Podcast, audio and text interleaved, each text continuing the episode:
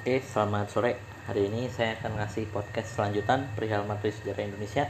Ya, dan mungkin hari ini saya akan bicara dari yang namanya eh, bagaimana Indonesia akan menghadapi agresi militer kedua hingga pada akhirnya Indonesia itu bisa yang namanya memperoleh pengakuan kedaulatannya dari pemerintah Belanda.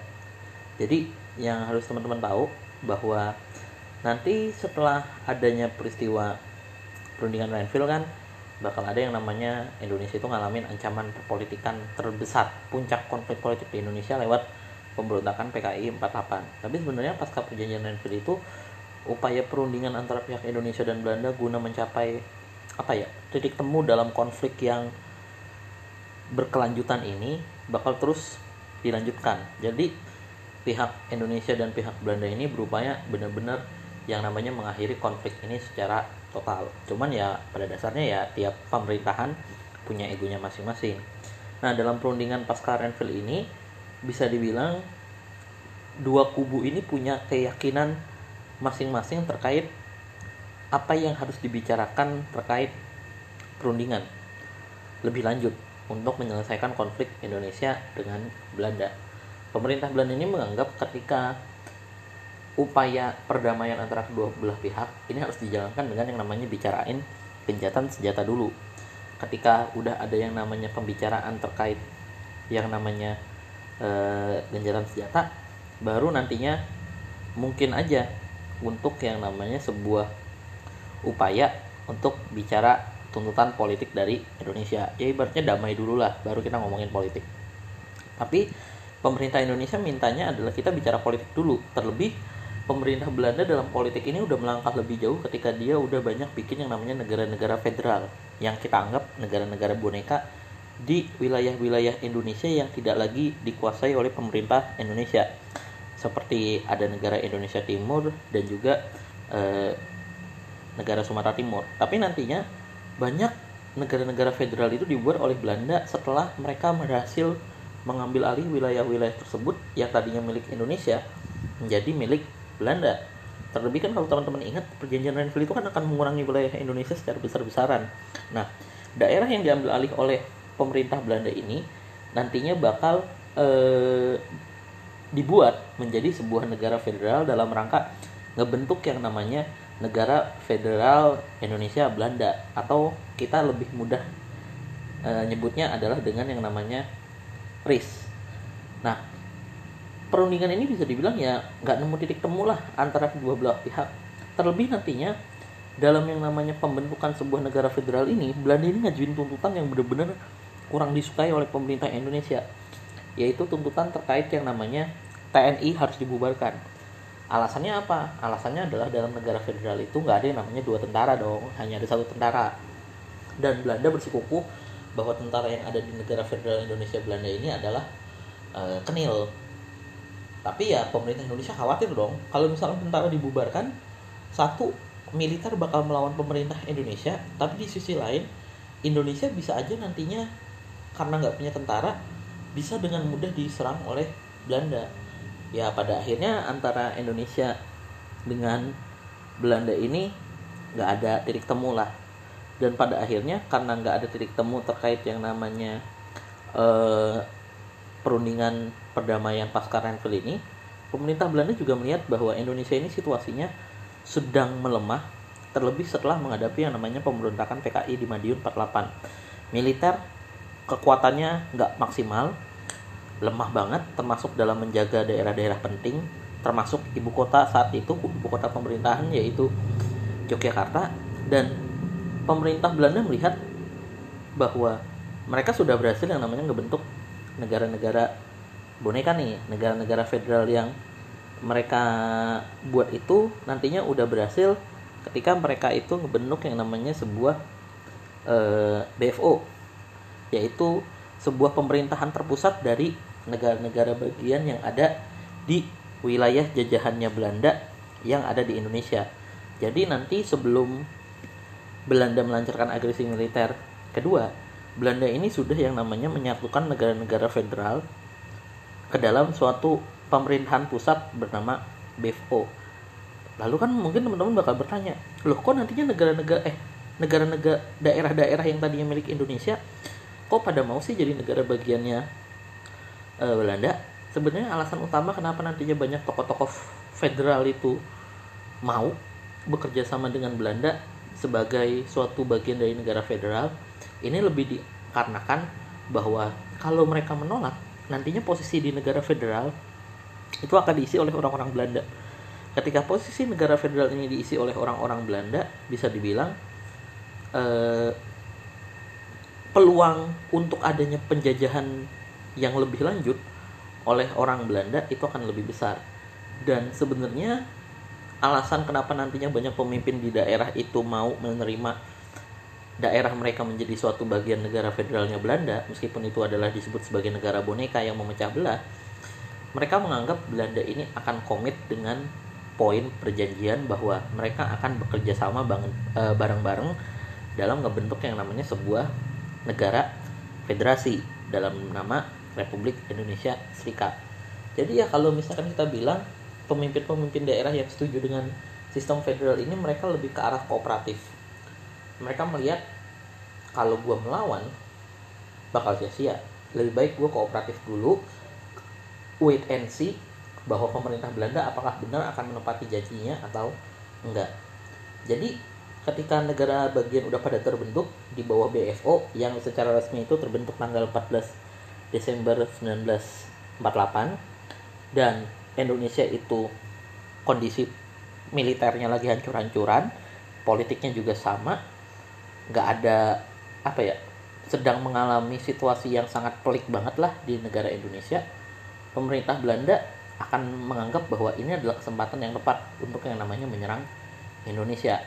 Dan di sini yang ingin dilakukan oleh pemerintah Belanda ketika melakukan agresi kedua ini adalah bukan menguasai yang namanya daerah kaya akan sumber daya alam seperti di agresi militer satu tapi pemerintah Belanda ingin benar-benar menunjukkan bahwa pemerintah Indonesia itu udah nggak ada dan pemerintah Indonesia itu kini sekarang terwakili dalam yang namanya keberadaan BFO jadi nantinya ketika pemerintah Belanda menyerang Indonesia nih mereka ingin membangun sebuah image bahwa oh ini loh kami dan Indonesia ini udah berhasil yang namanya menjalin kerjasama dan kerjasama ini tercermin dalam yang namanya BFO kami akan yang namanya ngebentuk negara Republik Indonesia Serikat sebagai bentuk negara federal Indonesia Belanda jadi di sini Belanda tuh benar-benar ingin menghapuskan pemerintahan Indonesia dari eh, apa ya dari dunia internasional dari masyarakat bahwa pemerintah Indonesia itu udah nggak ada Makanya dalam agresi militer Belanda yang kedua ini tujuan utamanya adalah menguasai ibu kota dan mengendalikan arus informasi dan memotong arus informasi terkait keberadaan pemerintah Indonesia. Jadi pemerintah Belanda pengen benar-benar ngebuat bahwa Indonesia ini udah hilang dari bumi.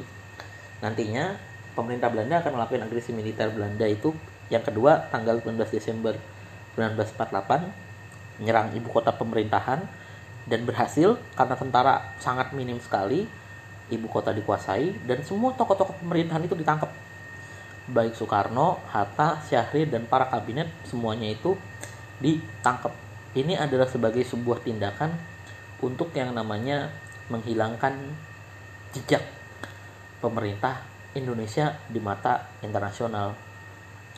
Nantinya pun kalau ditanya pemerintah Belanda bisa berkelit. Oh sekarang Soekarno Hatta sudah digantikan sama ini nih wakil-wakilnya di negara bagian yaitu BFO seperti itu.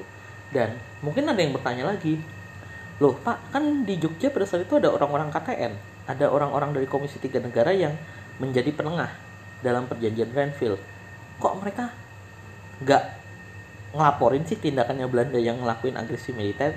Di sinilah tadi yang saya bilang bahwa ketika Belanda melakukan agresi militer Belanda juga yang namanya memotong arus informasi dan semua arus informasi terkait pemerintahan Indonesia itu harus sesuai dengan yang namanya izin Belanda. Sehingga tidak ada muncul kesan bahwa pemerintah Belanda ini melakukan penyerangan pemerintah Belanda ini berupaya menyampaikan kepada dunia internasional bahwa negara Indonesia itu secara sukarela udah mau melebur bekerja sama dalam bentuk yang namanya suatu negara federal kayak gitu. Sehingga inilah caranya Belanda untuk yang namanya nutupin kedok dari agresi militer tersebut. Cuman nantinya dalam upayanya pemerintah Belanda dalam tanda kutip menghapuskan pemerintahan Indonesia dari dunia internasional ini bakalan sia-sia karena nantinya bakal ada dua pihak yang tetap berupaya mempertahankan Republik Indonesia. Terlepas dari pemerintahan saat itu Soekarno Hatta udah ditangkap ibu kota dikuasai nantinya eh, sebelum Soekarno Hatta diculik mereka udah sempat bilang bahwa ketika misalkan perundingan Renville ini nggak bisa menemui titik temu mereka memberikan mandat kepada eh, Syafruddin Prawira Negara yang pada saat itu sebagai menteri kabinetnya Hatta sedang dinas ke Sumatera. Di sini Hatta ngasih mandat andai kata perundingan Renville ini eh perundingan yang berla yang berlangsung antara Indonesia, Belanda dan KTN ini akan gagal dan Belanda ngelakuin agresi. Uh, Syafruddin Prawira Negara diberikan mandat untuk membentuk yang namanya suatu pemerintahan darurat.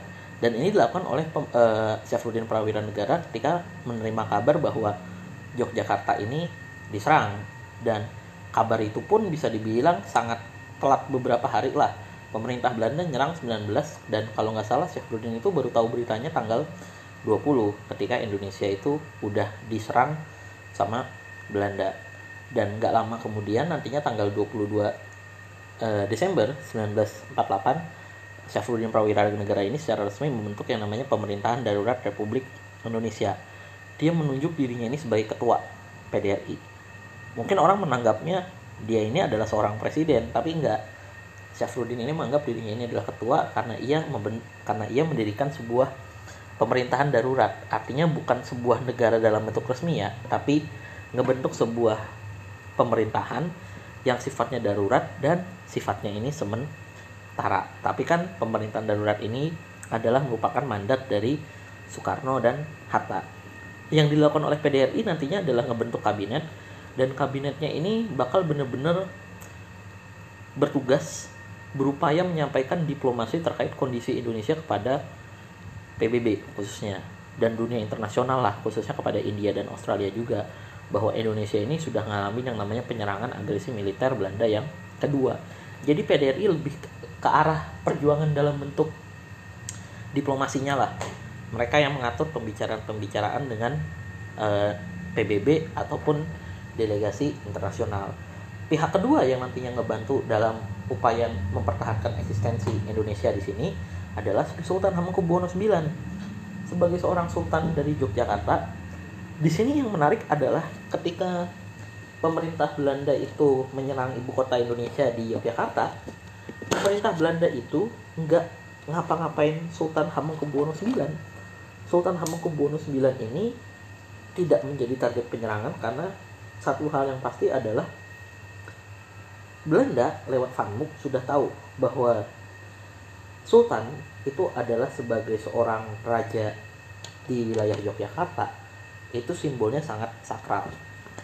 Ketika misalkan pemerintah Belanda menangkap Sri Sultan Hamengkubuwono IX, maka yang melawan Belanda pada saat itu bukan hanya tentara, tapi rakyat Yogyakarta Makanya di sini kedudukan Sri Sultan Hamengkubuwono IX ini nggak diapa-apain dan Belanda menganggap ya Sri Sultan ini seperti raja-raja Jawa sebelumnya lah bisa diajak kerjasama.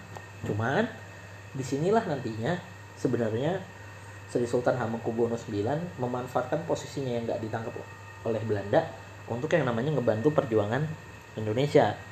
Di sini ia nantinya bakal berupaya mempertahankan eksistensi Indonesia dengan cara peperangan. Nantinya kan ketika Belanda melakukan serangan itu kan bisa dibilang militer Indonesia pada saat itu kepencar-pencar di berbagai daerah. Nantinya Sudirman ini bakal menghadapi Belanda sebagai panglima secara gerilya lalu pasukannya Nasution itu masih ada di Bandung pasukannya Gatot Subroto masih ada di Madiun pasukannya TB Simatupang masih ada di Jawa Tengah. Di sini nantinya Sri Sultan Hamengkubuwono bakal berupaya untuk yang namanya menghimpun kembali kekuatan-kekuatan militer yang lagi terpencar-pencar ini untuk bersatu dan menyerang bersama-sama wilayah Yogyakarta. Kenapa nantinya Sri Sultan ini menginginkan adanya sebuah serangan dari pihak militer kepada daerah Yogyakarta? Sri Sultan ingin memberikan suatu gambaran bahwa keberadaan pemerintahan Indonesia itu masih eksis lewat keberadaan militernya. Dan di sini Sri Sultan berupaya untuk memanfaatkan masyarakat-masyarakat Indonesia yang bekerja sebagai jurnalis untuk memfoto atau memberitakan peristiwa penyerangan serangan satu umum satu Maret. Memberitakan penyerangan tentara ke Yogyakarta itu secara besar-besaran. Nantinya kan eh, Sri Sultan Hamengkubuwono ini bakal menginisiasi yang namanya serangan umum 1 Maret 1949 di mana tentara Indonesia itu berhasil mengambil alih Yogyakarta meskipun selama beberapa jam dan itu menjadi bukti bahwa negara Indonesia ini masih eksis. Negara Indonesia ini nggak hilang tentaranya masih ada dan masih melawan pemerintah Belanda. Di samping nantinya ada peran dari Syafruddin Prawira Negara dan Sultan Hamengkubuwono IX dalam upaya mempertahankan eksistensi Indonesia bisa dibilang pasca agresi militer kedua ini Dewan Keamanan PBB sama KTN ini bakal melangkah lebih jauh untuk menangani konflik Indonesia. Nantinya setelah dapat usulan dari yang namanya India yang pada tahun yang pada tanggal 24 Januari 49 India, Australia dan negara-negara Asia lainnya itu ngadain yang namanya konferensi Asia. Mereka mengambil usulan bahwa Dewan Keamanan PBB harus bertindak lebih jauh. Di sini konferensi Asia yang diinisiasi oleh pemerintah India ini menghasilkan beberapa keputusan seperti dilakukannya genjatan senjata antara Indonesia Belanda, pemimpin-pemimpin Indonesia itu dibebaskan dan Yogyakarta itu dikembalikan sebagai yang namanya ibu kotanya Indonesia. Usulan dari konferensi eh usulan dari konferensi Asia ini nantinya diterima Dewan Keamanan PBB dan DKPBB itu melihat adanya tindakan pelanggaran dari pemerintah Belanda. Dari DKPBB ini nantinya yang bakal benar-benar ngambil tindakan lebih jauh adalah Amerika. Kenapa nantinya Amerika? Kalau teman-teman masih ingat di perjanjian Renville ini pemerintah Belanda itu kan eh pemerintah Amerika Serikat itu sebenarnya juga sudah memberikan yang namanya sebuah dana bantuan pembangunan ekonomi bagi Belanda sebagai korban Perang Dunia Kedua yaitu Marshall Plan. Di sini Amerika Serikat melihat bahwa pemerintah Belanda ini melakukan penyelewengan terhadap dana Marshall Plan yang mereka berikan. Dana Marshall Plan itu bukannya dipakai untuk membangun ekonomi, tapi malah dipakai untuk yang namanya ngembangin kemiliterannya Belanda. Di samping alasan lain kenapa Amerika ini bakal ngebelain banget pada saat agresi militer kedua ini adalah karena pemerintah Amerika Serikat ini kagum sama pemerintah Indonesia yang berhasil menangani pemberontakan komunis. Kan pada saat itu Amerika sedang perang dingin dengan Uni Soviet yang berideologi komunis. Amerika merasa Indonesia ini bisa jadi rekan rekan mereka ketika periode perang dingin. Tapi kan Indonesia baru bisa jadi rekan jika Indonesia itu merdeka. Makanya di sini Amerika dalam DKPBB ini bakal mengusulkan perubahan KTN itu menjadi sebuah lembaga khusus yang bertanggung jawab langsung di bawah DKPBB yaitu UNCI United Nation Commission for Indonesia.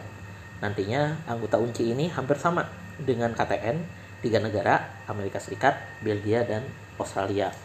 Nanti lewat UNCI inilah bisa dibilang upaya perundingan damai antara uh, Indonesia dengan Belanda itu mencapai yang namanya titik temu lah nantinya kan kunci ini bakal berperan dalam pertama itu ada persetujuan Rumroyen antara Indonesia dengan Belanda meskipun persetujuan ini sempat kontroversial karena pemerintah Belanda itu menjalin persetujuannya itu dengan Soekarno Hatta yang di mana pada saat itu sebenarnya secara nggak langsung bukanlah pemerintahan resmi karena pemerintahan resminya mereka itu udah diberikan mandat kepada Syafruddin Prawira negara. Makanya di sini sempat ada penolakan dari Syafruddin perihal persetujuan Rumroyen bahwa Belanda ini salah kerjasamanya kok malah sama Soekarno Hatta? Padahal yang pada saat itu memegang mandat resmi sebagai pemerintah itu adalah dia. Cuman nantinya Soekarno Hatta mencoba menengahi konflik dengan Syafruddin itu dan Syafruddin pun gak masalah lah. Yang penting nantinya Indonesia ini tetap berdiri. Lalu nantinya dalam perundingan Rumroyen ini bisa dibilang menjadi titik temu dalam yang namanya eh, proses pengakuan kedaulatan Indonesia. Karena dalam perundingan Rum Royan ini bisa dibilang eh, Indonesia itu setuju dengan poin-poin terkait bagaimana nantinya akan diselenggarakan perjanjian akhir terkait yang namanya konferensi meja bundar di mana dalam perjanjian terakhir tersebut Indonesia ini sepakat untuk menjadi sebuah negara federal bernama Republik Indonesia Serikat. Jadi nantinya secara nggak langsung sebenarnya upaya pemerintah Indonesia untuk menolak pembentukan sistem federal ini pada akhirnya bakal berujung pada dalam tanda kutip ya kekalahan. Karena pemerintah Indonesia akhirnya nggak masalah lah. Mereka menjadi negara federal asal pemerintah Belanda nggak melakukan serangan lagi kepada Indonesia dan mengakui kedaulatan Indonesia. Dan Urung Royon ini bisa dibilang sebagai langkah awal sebelum KMB memang banyak menyepakati poin-poin yang kesannya lebih menguntungkan Belanda. Cuman ya pada dasarnya ini adalah keputusan yang paling bijak karena nantinya pemerintah Indonesia itu bakal ngadain yang namanya suatu konferensi namanya konferensi inter Indonesia di konferensi tersebut sebenarnya dalam tanda kutip ya sudah ada suatu bentuk kerjasama antara pemerintah Republik Indonesia dengan negara-negara bagian yang merupakan bentukan Belanda di konferensi inter Indonesia ini kan mempertemukan antara pemerintah Republik Indonesia dengan negara-negara negara-negara federalnya uh, Belanda yang bersatu di bawah nama BFO. Nantinya dalam pertemuan tersebut bisa dibilang kedua pihak ini setuju untuk yang namanya bersatu menjadi sebuah Republik Indonesia Serikat. Tapi di sini nantinya bakal ada kompromi-kompromi yang akan lahir setelah perjanjian KMB, yaitu kompromi antara kelompok BFO dengan yang namanya pemerintah Republik Indonesia. Baru nantinya menyam, e, melanjutkan dari persetujuan Rumroyen yang diselenggarakan Mei 49 nantinya e, bakal berlangsung konferensi meja bundar sebagai tahap akhir pengakuan kedaulatan dari pemerintah Belanda kepada Indonesia. Dan bisa dibilang dalam e, konferensi meja bundar ini yang berlangsung lama dari bulan Agustus sampai November yang nantinya baru disahkan di bulan Desember itu akan mencapai beberapa poin penting di mana poin pentingnya itu antara lain Belanda ini mengakui kedaulatan Indonesia sebagai RIS lalu masalah Irian Barat wilayah yang disengketakan oleh kedua belah pihak ini nanti akan diselesaikan satu tahun kemudian. Yang ketiga RIS ini harus membayar utang-utangnya pemerintah Belanda selama periode 45 sampai 50 dan hutang-hutangnya negara Belanda selama penjajahan Indonesia itu harus dihapuskan dan yang terakhir adalah RIS e, pemerintah RIS ini nantinya harus mengembalikan e, perusahaan-perusahaan Belanda yang sudah diambil alih oleh pemerintah Indonesia. Nantinya 27 Desember 49 secara resmi pengakuan kedaulatan Indonesia dan pembentukan RIS secara resmi itu ter terbentuk di tanggal tersebut.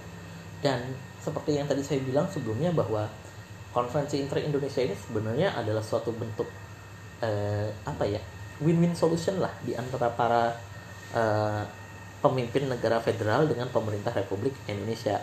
Karena apa? Mayoritas pemimpin dari negara-negara federal itu nggak semuanya sepakat dengan bentuk negara federal ini. Mereka merasa ketika ada celah untuk yang namanya mengembalikan negara Indonesia menjadi negara republik mereka nggak masalah. Di sini sebenarnya para pemimpin daerah di dalam BFO ini merasa ketika Indonesia ini mem, e, menjadi suatu negara dengan bentuk federal mereka ingin negara Indonesia itu menjadi negara yang berbentuk federal tapi bukan federal bentukannya Belanda yang seperti mirip Amerika Serikat. Para pemimpin BFO ini, pemimpin-pemimpin negara bagian ini menginginkan yang namanya sistem negara federal yang diterapkan di Indonesia itu lebih ke arah desentralisasi. Karena kalau bentuknya negara federal di sini, para pemimpin-pemimpin daerah ini bertanggung jawab untuk daerahnya dalam rangka mencari keuangan serta mengembangkan daerahnya. Di sini Eh, para pemimpin daerah ini sadar tiap wilayah di Indonesia itu memiliki keunikan, kelebihan dan kekurangannya masing-masing. Otomatis bisa aja malah nantinya ada kecemburuan di antara negara-negara bagian. Makanya nantinya mayoritas negara-negara bagian di dalam BFO ini setelah pengakuan kedaulatan RIS yang berlangsung Desember tahun 49 di tahun 50-an ini ada wacana untuk merubah sistem RIS ini menjadi kembali ke sistem Republik Indonesia. Dan meskipun mayoritas banyak pemimpin BFO yang setuju terkait pengembalian bentuk ke dalam bentuk Republik Indonesia, cuma nanti ada beberapa penolakan yang akan memicu lahirnya suatu pemberontakan, yaitu eh, pemberontakan APRA. Cuman itu nanti dibicarakannya nanti aja lah. Dan pada akhirnya pun nanti puncaknya itu adalah 17 Agustus 1950 semua negara bagian dari BFO ini mengembalikan mandatnya sebagai suatu negara bagian kepada Republik Indonesia. Jadi dalam pembentukan RIS ini RIS itu sebagai suatu pemerintah pusat itu terdiri dari Republik Indonesia dan berbagai negara bagian. Dan nantinya RIS ini bakal kembali ke Republik Indonesia setelah negara-negara bagian itu mengembalikan mandat mereka sebagai suatu negara bagian kepada pemerintah Republik Indonesia.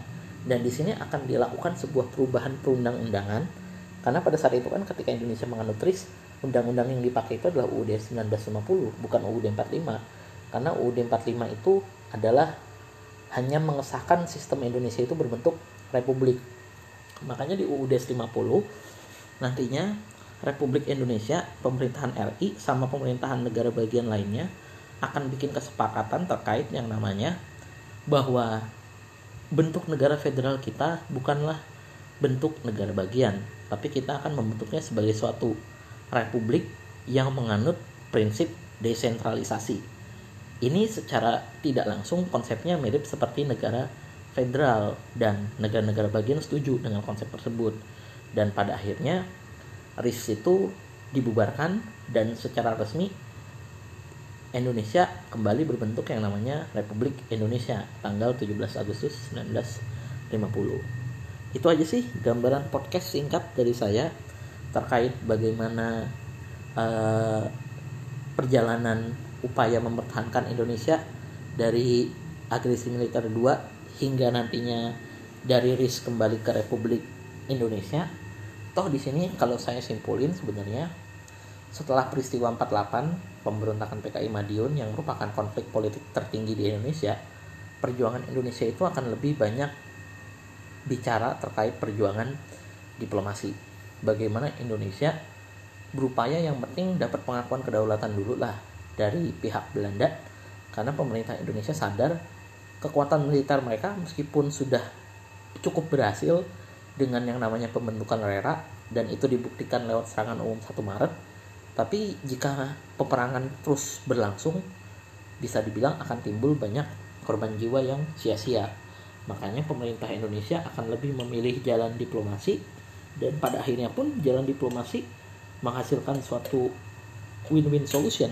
Meskipun pada awalnya Indonesia ini merdeka dan diakui oleh Belanda dalam bentuk tapi karena negara-negara bagian dalam dalam ikatan BFO ini merasa BFO ini adalah negara federal bentukan Belanda dan tidak sesuai dengan keinginan rakyat Indonesia sendiri makanya nantinya banyak negara bagian menyerahkan mandatnya kepada RI dan RIS pun dibubarkan, begitu juga dengan BFO dan terbentuklah kembali Republik Indonesia yang kini menjadi pemerintahan yang sifatnya republik tapi menganut prinsip desentralisasi. Itu aja mungkin dari saya. Terima kasih, selamat sore.